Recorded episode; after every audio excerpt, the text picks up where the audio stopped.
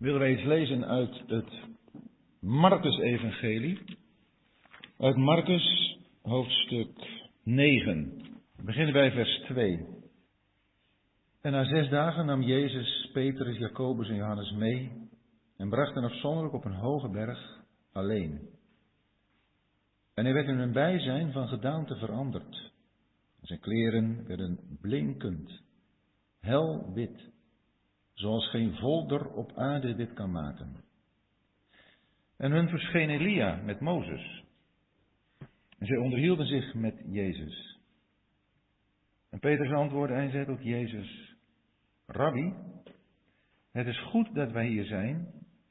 En laten wij drie tenten maken, voor u één, voor Mozes één en voor Elia één. Want hij wist niet wat hij moest antwoorden, want zij waren zeer bang geworden. En er kwam een wolk die hen overschaduwde en er kwam een stem uit de wolk. Deze is mijn geliefde zoon. Hoort hem. En toen zij rondkeken, zagen zij plotseling niemand meer bij zich dan Jezus alleen. Vers 14. En toen zij bij de discipelen kwamen, zagen zij een grote menigte om hen heen en schriftgeleerden die met hen reden twisten. En terstond, toen de hele menigte hem zag, werden ze ontsteld. Ze liepen op hem toe en groeten hem. En hij vroeg hen, waarover reden twist u met hen? En een uit de menigte antwoordde hem, Meester, ik heb mijn zoon bij u gebracht die een stomme geest heeft. En waar hij hem ook aangrijpt, werpt hij hem neer. En hij schuimt knarst met zijn tanden en verstijft.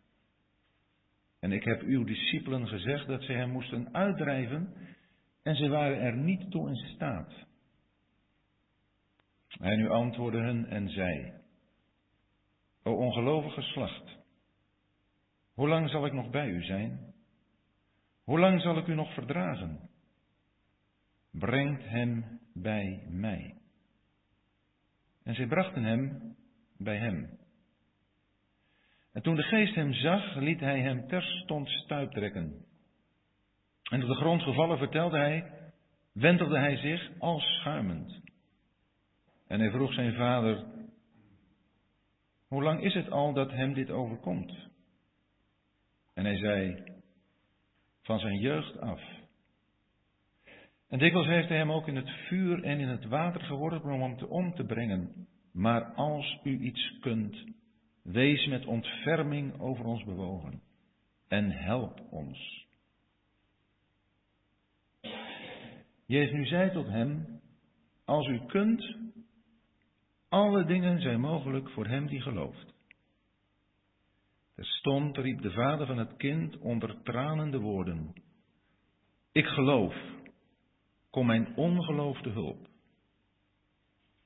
Toen Jezus zag dat de menigte kwam toelopen, bestrafte hij de onreine geest en zei tot hem, stomme en dove geest, ik beveel je, ga uit van hem en kom niet meer in hem. En terwijl de geest riep en hem hevig liet stuiptrekken, ging hij uit. En hij werd als een dode, zodat de meesten zeiden dat hij was gestorven. Maar Jezus greep hem bij de hand en richtte hem op en hij stond op. En toen hij in huis was gegaan, vroegen zijn discipelen hem afzonderlijk, waarom konden wij hem niet uitdrijven? En hij zei tot hen, dit geslacht kan door niets uitgaan dan door gebed en vasten.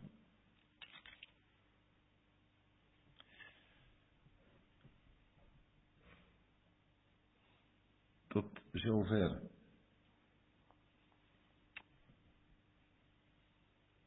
Een vader en een zoon. De vader en de zoon. Daar hebben we eerst over gelezen. En daarna over een vader en een zoon.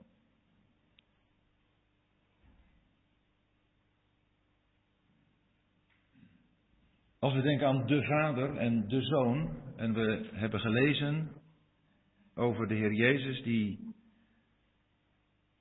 Petrus, Jacobus en Johannes meeneemt en hen afzonderlijk op een hoge berg alleen brengt, dan betekent dat wij ook een beeld kunnen krijgen, een indruk kunnen krijgen van de Vader en de Zoon. Het Marcus-evangelie stelt de Heer Jezus voor als de ware dienaar. En het is ook niet voor niets dat hier staat na zes dagen. Zes dagen waarop de mens werkt. En na die zes dagen is daar die plaats van rust voor de Heer Jezus op die hoge berg. Een beperkte, een tijdelijke rust, want daarna gaan ze de berg weer af. En ook een rust waarin drie van zijn discipelen mogen delen. En waarbij zij een indruk krijgen van de heerlijkheid van de Heer Jezus. En ik denk dat dit nodig is om enigszins te kunnen begrijpen wat het is om op aarde situaties te ontmoeten, zoals die worden voorgesteld in de geschiedenis die we hebben gelezen van die ene vader met die ene zoon.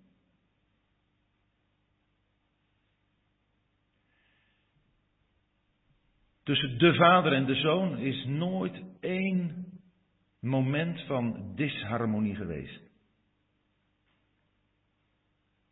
Er is altijd bij de Heer Jezus een volkomen toewijding aan zijn vader geweest. Hij heeft hem gediend, maar uit pure, volmaakte liefde.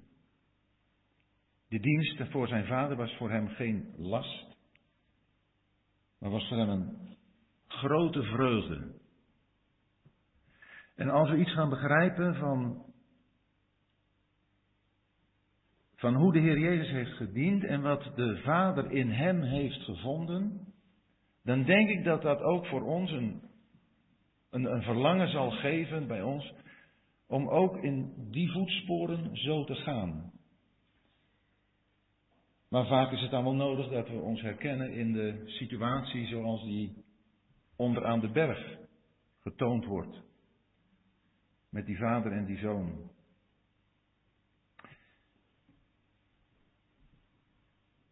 De Heer Jezus wordt in het bijzijn van de discipelen van gedaante veranderd. Ze hebben hem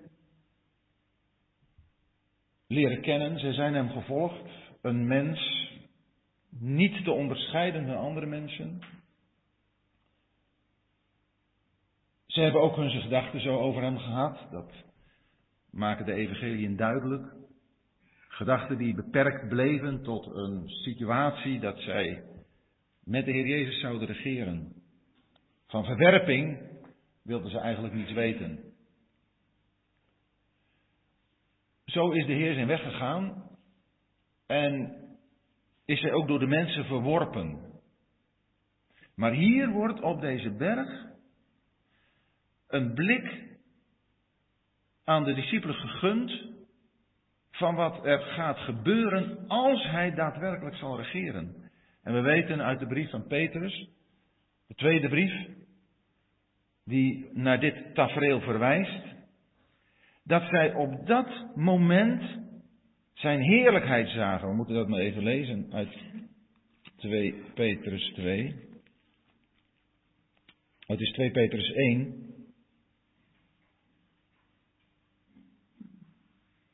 Want dan lezen we in vers 16 van 2 Petrus 1, want niet als navolgers van vernuftig verzonnen fabels hebben wij u de kracht en komst van onze Heer Jezus bekendgemaakt, maar als ooggetuigen van zijn majesteit. Ze hebben dat gezien.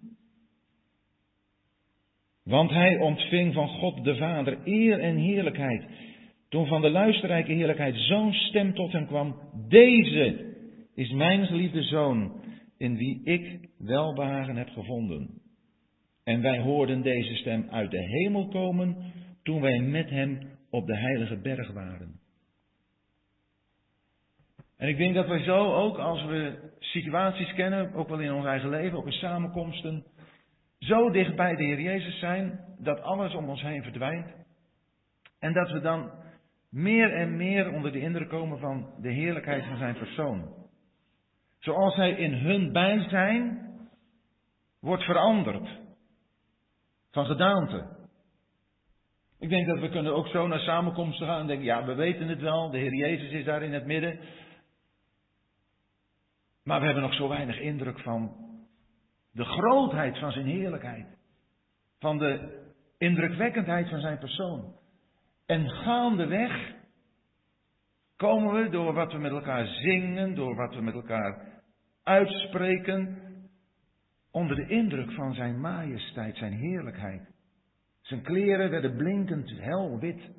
We zien ineens weer hoe voortreffelijk hij is. Hoe zonderloos, smetteloos, vlekkeloos. Hoe alles in hem stralend is.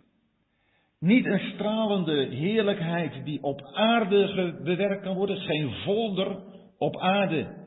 Het is iemand die, die uh, smoezelige kleding wit kan maken. Er is niets op aarde wat de witheid kan bewerken die daar in de Heer Jezus wordt gezien. Het is hemelse heerlijkheid, het is hemelse witheid, hemelse reinheid. En dat, dat beleef je als je zo met elkaar mag kijken naar de Heer Jezus en het valt om je heen weg en je ziet Hem. En dan komen daar ineens Elia met Mozes. Elia voorop. Mozes daarbij. En er staat, hun verscheen Elia. Mozes en Elia verschenen niet aan de Heer Jezus. Natuurlijk niet. Voor hem waren ze altijd aanwezig. De Heer Jezus is niet iemand aan wie iets verschijnt. Hij heeft altijd volmaakt inzicht in de hele onzichtbare wereld. Maar voor deze drie discipelen, daar staan ineens Elia, die staat daar, Elia, eigenlijk is Elia staat daar met Mozes.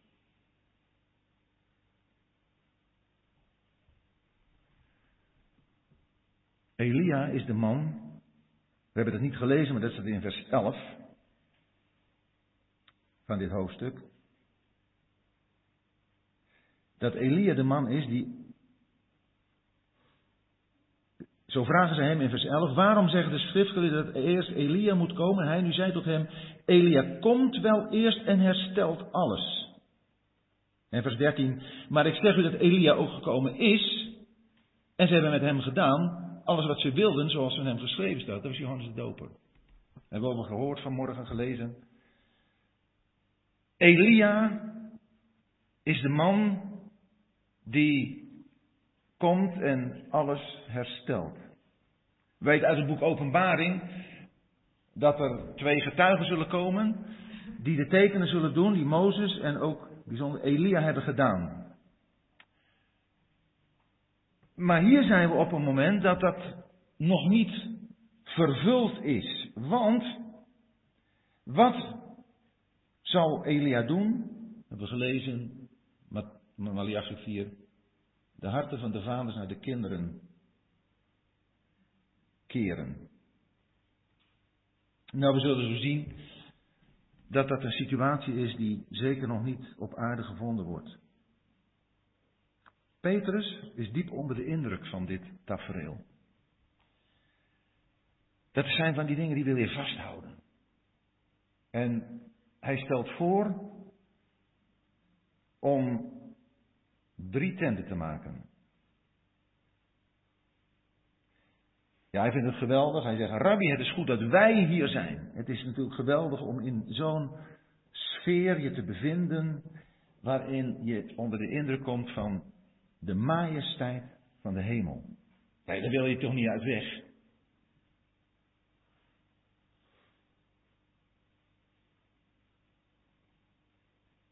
Petrus zegt dat eigenlijk, hij stelt het eigenlijk voor, zo staat er in vers 6.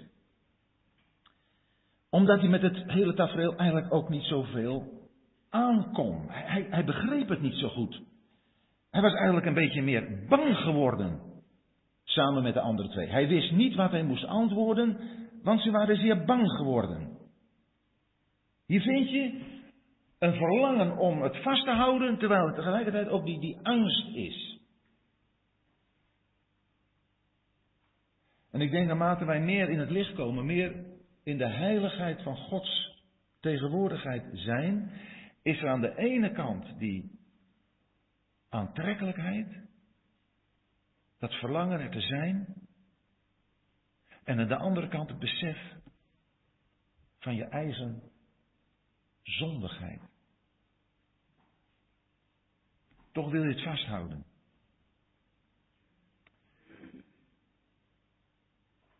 Dan antwoordt de hemel. De Vader.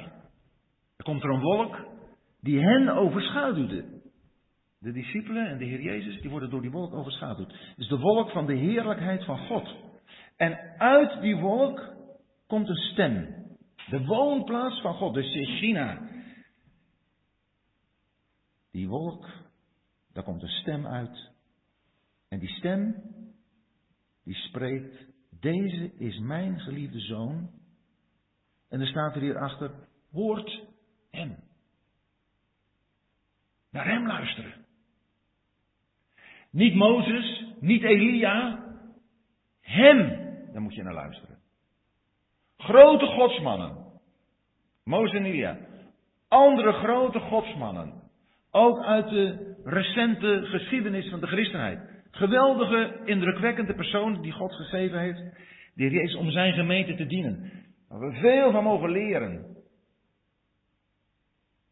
Maar als je ze vergelijkt met de Heer Jezus. Dan, gaan ze weg. Dan moeten ze verdwijnen. We moeten alleen naar Hem luisteren. Als je de hele geweldige geloofsheldenrij hebt in Hebreeën 11, dan zou je kunnen zeggen, ze zijn de sterren. Die fonkelen in de nacht, die hebben geloof getoond in moeilijke omstandigheden.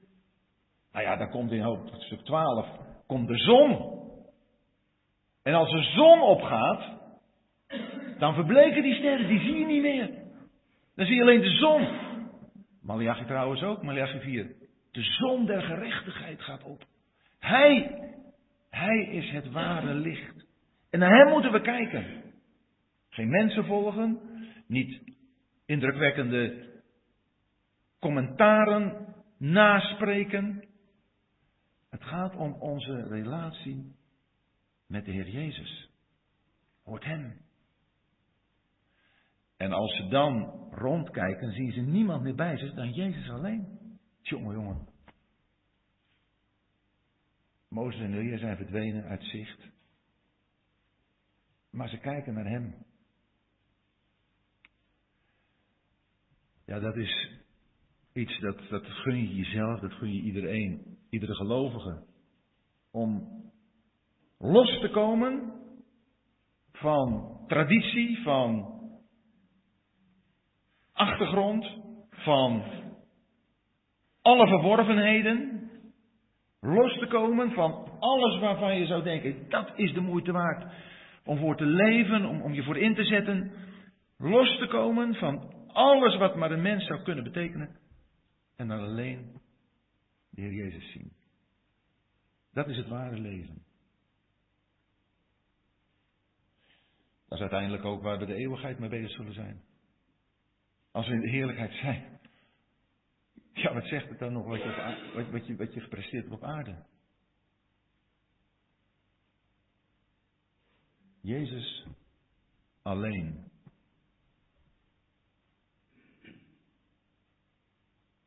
Het zijn van die momenten, zoals gezegd, die zou je willen vasthouden.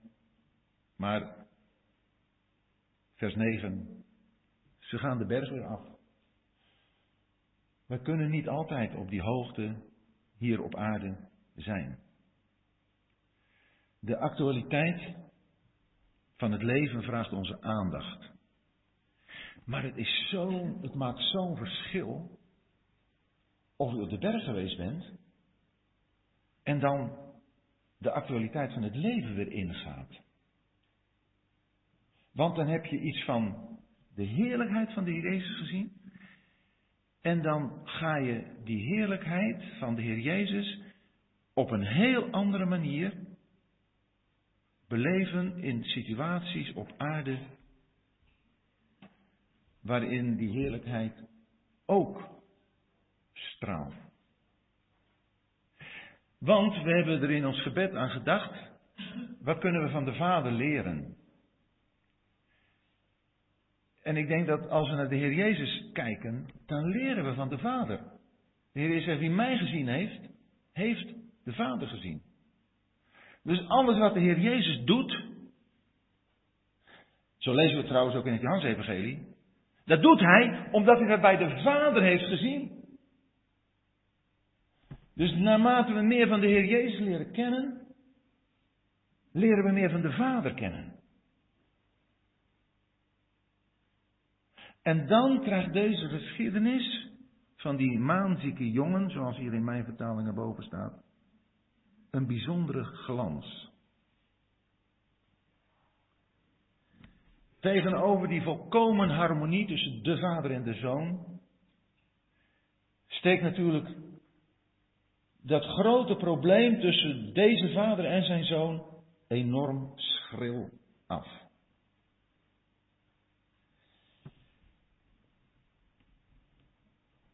En voor iedere vader hier is het, voor iedere moeder, voor iedere geestelijke vader, iedere geestelijke moeder, want het is niet alleen, denk ik, van toepassing op situaties waarin ouders kinderen hebben, maar in de gemeente heeft God het ook zo gemaakt dat ook ongetrouwde broeders, zusters, een vader in Christus of een moeder in Christus kunnen zijn. Maar ieder die een positie van ouderschap heeft, laat ik het zo even wat algemener zeggen, zal zich realiseren hoe hij daarin faalt. En dat maakt ook voor mij een beetje een. Dat ik denk van. Het is best moeilijk om hier wat over te zeggen. In de zin van. Je voelt zo je, eigen tekort hierin. Toch kunnen we zoveel van deze geschiedenis leren. Als we bereid zijn, als ik bereid ben, te erkennen, of misschien zelfs in te zien, dat wat die vader hier aan probleem heeft, toch ook wel een beetje mijn probleem is. Van iedere vader, van iedere moeder. Kan er iemand zeggen, als het nu heel directe toepassing is, mijn verhouding met mijn zoon, met mijn kind misschien in het algemeen, is altijd zo geweest zoals die van de vader en de zoon op de berg.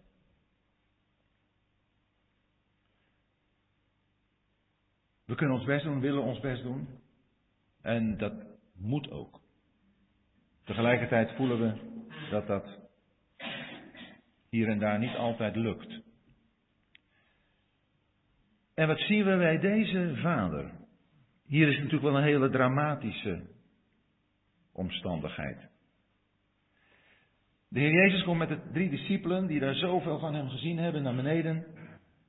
En dan komen ze bij die andere negen discipelen. En dan zien ze daar een grote menigte om de discipelen heen, schriftgeleerden erbij en flinke reden twisten. En dan lees je hier, en terstond toen de hele menigte hem zag, werden ze ontsteld. Waarom? Ik weet het niet, een gissing zou kunnen zijn. De glans van de berg is nog op hem, is nog aan hem te zien. Zoals Mozes, die op de berg geweest was, daar in het leger kwam. En ze moesten gezicht bedekken, want dat straalde zo, om, ze konden het gewoon niet verdragen. Ze komen bij hem en groeten hem. En hij die alles weet, hij vraagt hun, waarover reden twist u met hen? Hij wil antwoord. Hij vraagt ook ons om antwoord. Waar heb je moeite mee? Met wie lig je overhoop? Waar heb je redetwisten? Wie wil je overtuigen van jouw gelijk? zonder dat je goed luistert naar wat de ander bezighoudt. Of dat je denkt, ik kan hier wel een rol in spelen. Ineens komt er een stem uit de menigte. En één uit de menigte antwoordde hem. En het is opmerkelijk hoe het hier staat. Hè? Meester, ik heb mijn zoon niet bij uw discipelen gebracht. Ik heb mijn zoon bij u gebracht. Ja, zo is dat. Mensen zien in ons vertegenwoordigers van de Heer Jezus. Als mensen bij ons komen met hun nood, met hun hulpvraag mogelijkerwijs, dan is dat omdat we iets van de Heer Jezus laten zien of hebben laten zien. Dus uiteindelijk komen ze niet naar ons toe, maar komen ze naar de Heer Jezus toe. Ik heb mijn zoon bij u gebracht, die een stomme geest heeft. En dan beschrijft hij de nood van zijn zoon. Wat er met hem gebeurt. En aan het eind van vers 18 zegt hij, deze vader, en ik heb uw discipelen gezegd dat ze hem moesten uitdrijven. Tjoh. Was dat uh, een beetje te veel gevraagd? De Heer Jezus die heeft zijn discipelen uitgezonden in Marcus 6. En hij geeft hen ook de macht om demonen uit te drijven.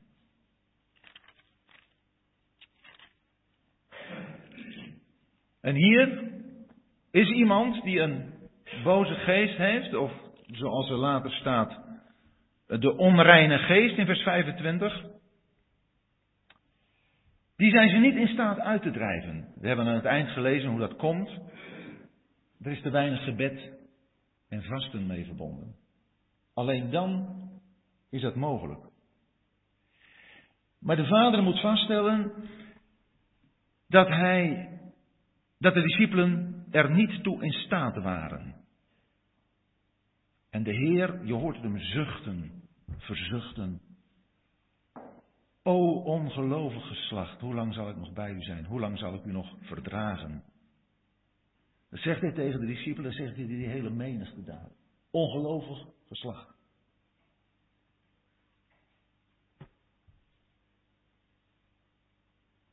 Maar dat blijft er niet bij. Hij zegt, breng hem bij mij. Heb je een nood? waar geen mens je bij heeft kunnen helpen, dan zegt hij, je brengt hem bij mij. Hij is zo uitnodigend. Hij heeft een verwijt waar ongeloof getoond is. En hij heeft een bemoediging waar nood is. En zij brachten hem bij hem. Dat betekent in een ander evangelie is dat het duidelijk ook is dat de vader die zoon brengt. Hij pakt zijn zoon bij de hand en hij brengt hem naar de Heer Jezus. Hij zegt niet, joh, je moet naar de Heer Jezus gaan. Maar hij gaat mee. Ze komen zo samen in het licht. Samen staan ze daar voor hem. Zij brachten hem bij hem. En dat het werkelijk een verwoestende geest is. Een geest die alles kapot wil maken. Toen de geest hem zag, liet hij hem terstond stuip trekken. En op de grond gevallen wentelde hij zich, als schuimend.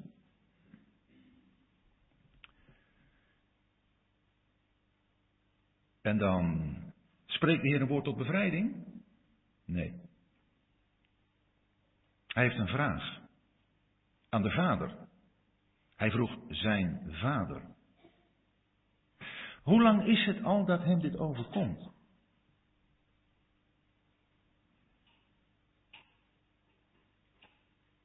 Als wij een nood hebben, dan moeten we teruggaan naar.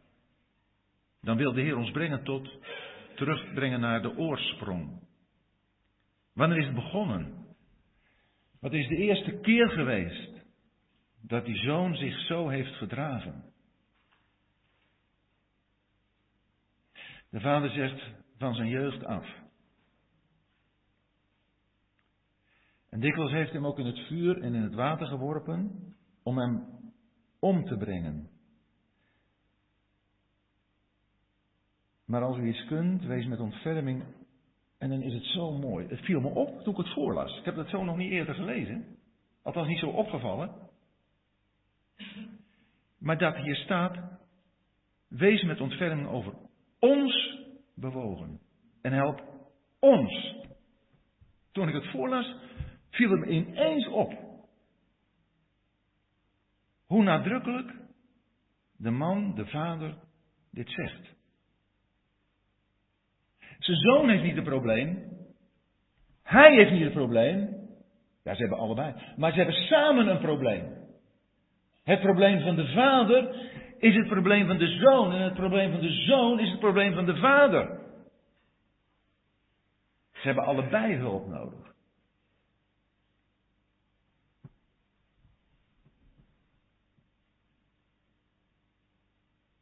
Wat die zoon aan gedrag vertoont, dat heeft hij van zijn vader.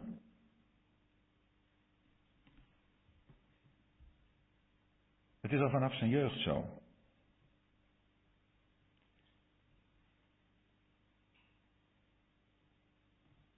De jeugdzorg krabbelt een beetje aan de zijkant, aan de buitenkant. Het probleem is van oudsher. Het probleem is door de geboorte. Kan ooit een reine uit een onreine komen? Nooit. Wij geven onze kinderen mee de erfzonde. Dat is een heel onderwerp op zich, maar het is wel belangrijk dat te beseffen. Onze kinderen zijn niet anders dan een reproductie van ons. Tuurlijk hebben onze kinderen hun eigen verantwoordelijkheid. Maar wij als ouders hebben ook een verantwoordelijkheid. En daarom is het goed dat wij sowieso kijken, wat doen onze kinderen? Wat halen ze in huis? Wat laden ze op hun mobiele telefoon? Daar moeten we bij zijn. Dat moet je weten. Daar ben je toe verplicht. Dat je weet wat je kind aan contacten heeft. Niet alleen maar zo eh, op school, maar ook, juist ook, op zijn smartphone. Wanneer is het begonnen, dat afwijkende gedrag?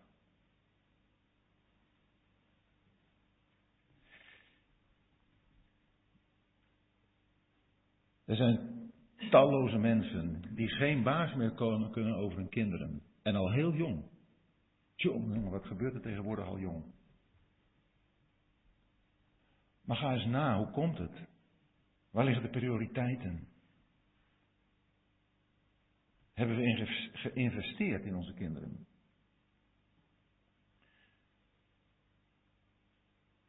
Het is zo belangrijk dat wij die relatie opbouwen.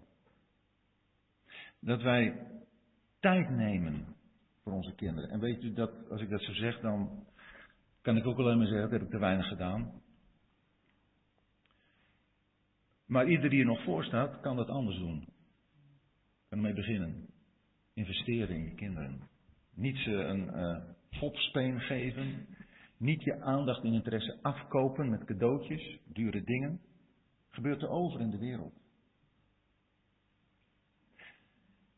Interesse is ook controle. Dus geen controlezucht, geen controleziekte, is noodzakelijk. Kinderen moeten gecontroleerd worden. Dat is liefde. Dat is echte liefde. Om hen te vertellen, dit is goed, dit is niet goed. Als het boek Spreuken leest, heb vanmorgen een paar stukjes uit gelezen, dan zijn er zoveel aanwijzingen. Het boek Spreuken wordt gewoon niet gelezen. En het is zo belangrijk dat te bestuderen erover na te denken. Maar we hebben geen tijd meer om na te denken, want we worden continu bezig gehouden. We moeten bijblijven. Als er een pip gaat, moet je weer pakken. Weten wat er geappt wordt of wat er. Er is geen rust meer. Die rust op de berg. Die kennen we zo weinig en daarom is er zo weinig rust onderaan de berg.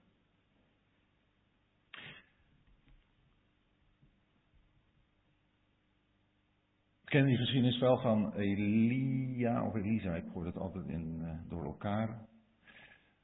Maar waar die jongen uh, gestorven is, ik denk dat het dan Elisa is, de zoon van de Sunamitische, die dan gestorven is, die, die krijgt dan op, op hoge, latere leeftijd nog een kind.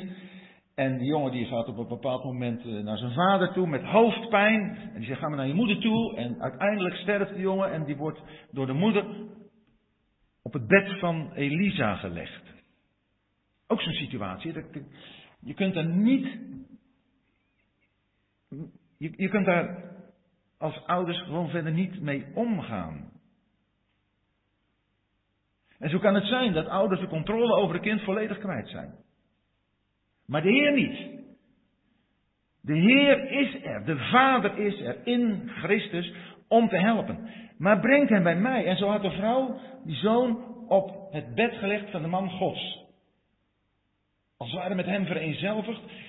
En als Elisa dan komt, dan buigt hij zich over deze jongen. Hij vereenzelvigt zich met hem. En dan, ik weet niet precies de volgorde meer, maar dan staat er dat hij het huis doorging. Was het misschien om nog eens te kijken wat er in huis binnengekomen was in de loop van de tijd? Moeten wij ook wel eens een keertje doen. Het huis doorlopen. Wat voor boeken staan er? Tijdschriften, dvd's. Wat heb je er staan? We hebben ook wel eens iets verkeerd gekocht en dan denk ik, oh, weg ermee. Dan wil je niet dat dat gevonden wordt als je niet meer zou zijn. Ga het huis nog eens door. Heb je dingen in huis die een gevaar zouden kunnen vormen voor je kinderen?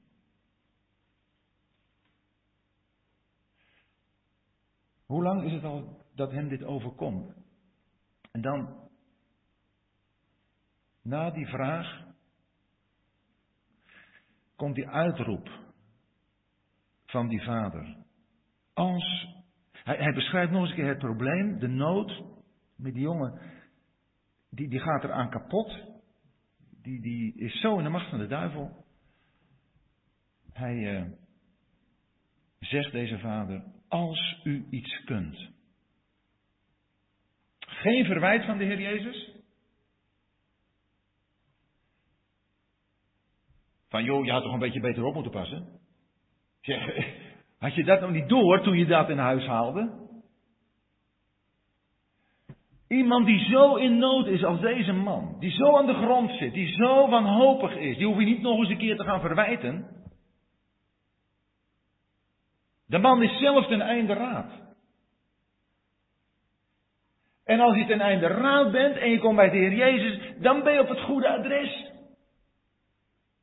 De Heer wil wel de werkelijkheid horen. Zoals die vrouw ook, die twaalf jaar een bloedvoering had geleden, die van achter bij de Heer komt hem aanraakt en dan zegt de Heer, wie is het die mij aangeraakt heeft? Die vrouw, die zag dat ze niet verborgen kon blijven. En die zei hem de volle waarheid. Deze man heeft de volle waarheid gezegd. En dan komt de Heer Jezus met zijn hulp. Ook al is het geloof van deze man heel beperkt. Want hij zegt, maar als u iets kunt. Ja, dat, dat kom je wel eens tegen, mensen die je vragen, maar als je ze me zou kunnen helpen, en wij moeten dan vaak zeggen, ja nee, dat, sorry, dat spijt me, gaat niet. De Heer zegt, tot hem, als u kunt, en het is echt verontwaardigend bedoeld. Als u kunt, natuurlijk kan ik dat. Alle dingen zijn namelijk mogelijk voor hem die gelooft.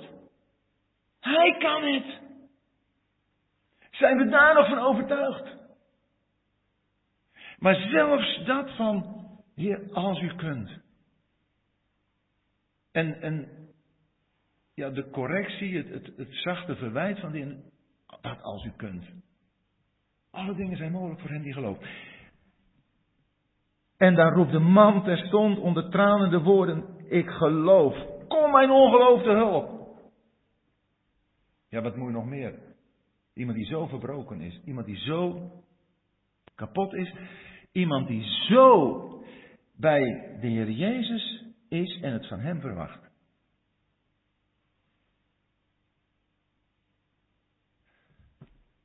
De Heer Jezus, als hij ziet dat de gemeente komt toelopen, waarom staat het er nou bij? Omdat hij dat wil voor zijn. Hij is niet uit op spektakel. Hij wil daar geen demonstratie van genezing geven. Hij wil iets doen als dienaar, waardoor de naam van zijn vader wordt verheerlijkt. Bestrafte hij de onreine geest, is een onreine geest. En oh, oh, oh, de onreinheid is vandaag de dag enorm. Enorm. We leven in de tijd van de plagen van de kikvorsen. En openbaring 16 zegt ervan dat de kikkers onreine geesten zijn. En de plaag in Exodus, en die kikkers, waar komen die? In de baktroggen en in de bedden. De onreinheid wordt gegeten, is voedsel. De onreinheid wordt uitgeleefd in bed. Seksualiteit is voor iedereen, overal. De grenzen die God gesteld heeft, die worden niet alleen met voeten getreden, die worden compleet uitgeveegd. Weg ermee.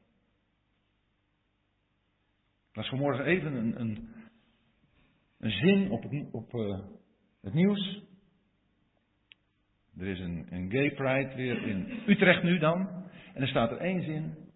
De grachten zijn vol van liefde. Dat is de liefde van de wereld, dat is de liefde van de christelijke wereld. Waarbij die LHBTI-gemeenschap wordt gepromoot. Ik zal nog een letter vergeten, want er komen steeds meer bij. Dat is de onreine geest. En wij moeten daar waakzaam voor zijn. Dat we ons niet door die onreine geest laten beïnvloeden. En dat is in, kerkelijk Nederland is dat aan de orde. Ik kreeg een e-mail van een. Uh, oh, je hebt hem doorgestuurd. Van die organist in, die kerk. Die uh, had naar de oude sporen gemaild. En die had een klein beetje verteld van zijn achtergrond. En hoe geweldig hij het vond om gezonde Bijbelse uh, studies te volgen. Maar hij zegt, ik zit in een kerk, ik ben organist. En ja, daar zie je de afvlakking. En dat begint dan met seks voor het huwelijk. Dan gaat het over homoseksualiteit. Dan gaat het zelfs over second love. Dat is hier niet, hoef ik hier niet uit te leggen, denk ik. Waarbij zegt hij, dat in kerkelijke kring wordt goed gepraat. Maar het begint met seks voor het huwelijk. Dat is de basis van alle ellende. En ik vond het heel mooi, mooi maar tekenen dat hij daarmee begon. Iemand uit totaal on, uh, besmette kring voor ons dan, hè, dat je denkt van, maar die er zo goed aanvoelde. Hij wist niet wat hij verder moest doen. Hij zat dan nog in die kerk. Hij was een organist. Maar hij tekende net zo even, voor mij in ieder geval heel helder, hoe die ontwikkeling gaat. En daarom is het zo nodig. Dat wij die onreine geest uitdrijven. Uit onszelf, uit ons eigen hart. Dat we er geen maken mee willen hebben. Maar ook daar waar het gezien wordt, waar het openbaar wordt. Het is iets zo onterend van God. Het is een onreine geest die ook stom en doof maakt. Een stomme en dove geest. Want als je in onreinheid leeft, dan komt er niet meer van uh, eerbetoon aan God uit. Je kunt niet meer getuigen van Hem. Maar je wordt ook doof voor de stem van God. Een stomme en dove geest. Maar die Heer Jezus komt er doorheen. Hij is in staat om de krachtigste geest, die, waarvan wij zeggen die is helemaal afgesloten, die, die is niet meer bereikbaar. Hij kan er doorheen komen. En dan, na dit bevel, gaat de geest uit, waarbij hij deze jongen als een dode achterlaat, zodat de meesten zeiden dat hij was gestorven. Maar dan grijpt de Heer hem bij de hand. Dan, niet eerder. De Heer heeft nooit iemand aangeraakt die een onreine geest had. Of een demon had.